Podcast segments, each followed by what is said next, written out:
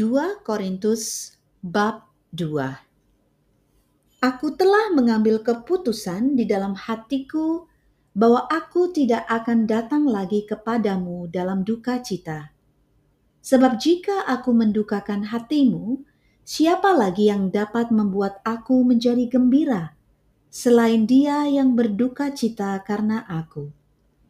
Dan justru itulah maksud suratku ini yaitu supaya jika aku datang, jangan aku berduka cita oleh mereka yang harus membuat aku menjadi gembira. Sebab aku yakin tentang kamu semua, bahwa sukacitaku adalah juga sukacitamu. Aku menulis kepada kamu dengan hati yang sangat cemas dan sesak, dan dengan mencucurkan banyak air mata bukan supaya kamu bersedih hati, tetapi supaya kamu tahu betapa besarnya kasihku kepada kamu semua. Harus diampuni orang yang bersalah. Tetapi jika ada orang yang menyebabkan kesedihan, maka bukan hatiku yang disedihkannya, melainkan hati kamu sekalian. Atau sekurang-kurangnya, supaya jangan aku melebih-lebihkan hati beberapa orang di antara kamu.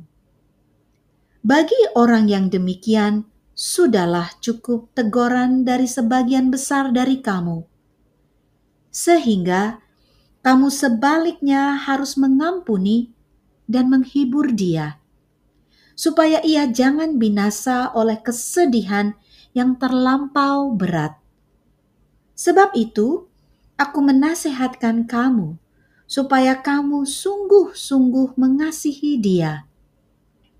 Sebab justru itulah maksudnya aku menulis surat kepada kamu, yaitu untuk menguji kamu, apakah kamu taat dalam segala sesuatu. Sebab barang siapa yang kamu ampuni kesalahannya, aku mengampuninya juga. Sebab jika aku mengampuni, seandainya ada yang harus kuampuni, maka hal itu kubuat oleh karena kamu di hadapan Kristus. Supaya iblis jangan beroleh keuntungan atas kita, sebab kita tahu apa maksudnya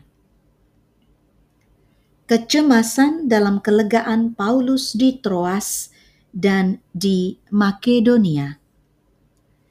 Ketika aku tiba di Troas untuk memberitakan Injil Kristus, aku dapati bahwa Tuhan telah membuka jalan untuk pekerjaan di sana. Tetapi hatiku tidak merasa tenang karena aku tidak menjumpai saudaraku Titus.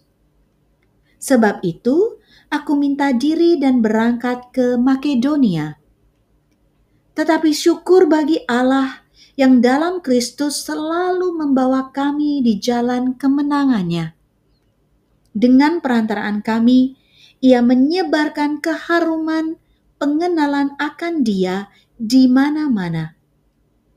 Sebab bagi Allah kami adalah bau yang harum dari Kristus di tengah-tengah mereka yang diselamatkan dan di antara mereka yang binasa. Bagi yang terakhir kami adalah bau kematian yang mematikan. Dan bagi yang pertama, bau bau kehidupan yang menghidupkan. Tetapi siapakah yang sanggup menunaikan tugas yang demikian? Sebab kami tidak sama dengan banyak orang lain yang mencari keuntungan dari firman Allah.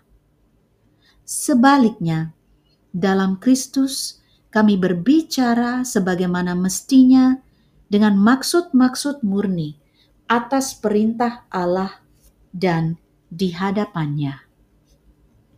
Demikianlah sabda Tuhan. Syukur kepada Allah.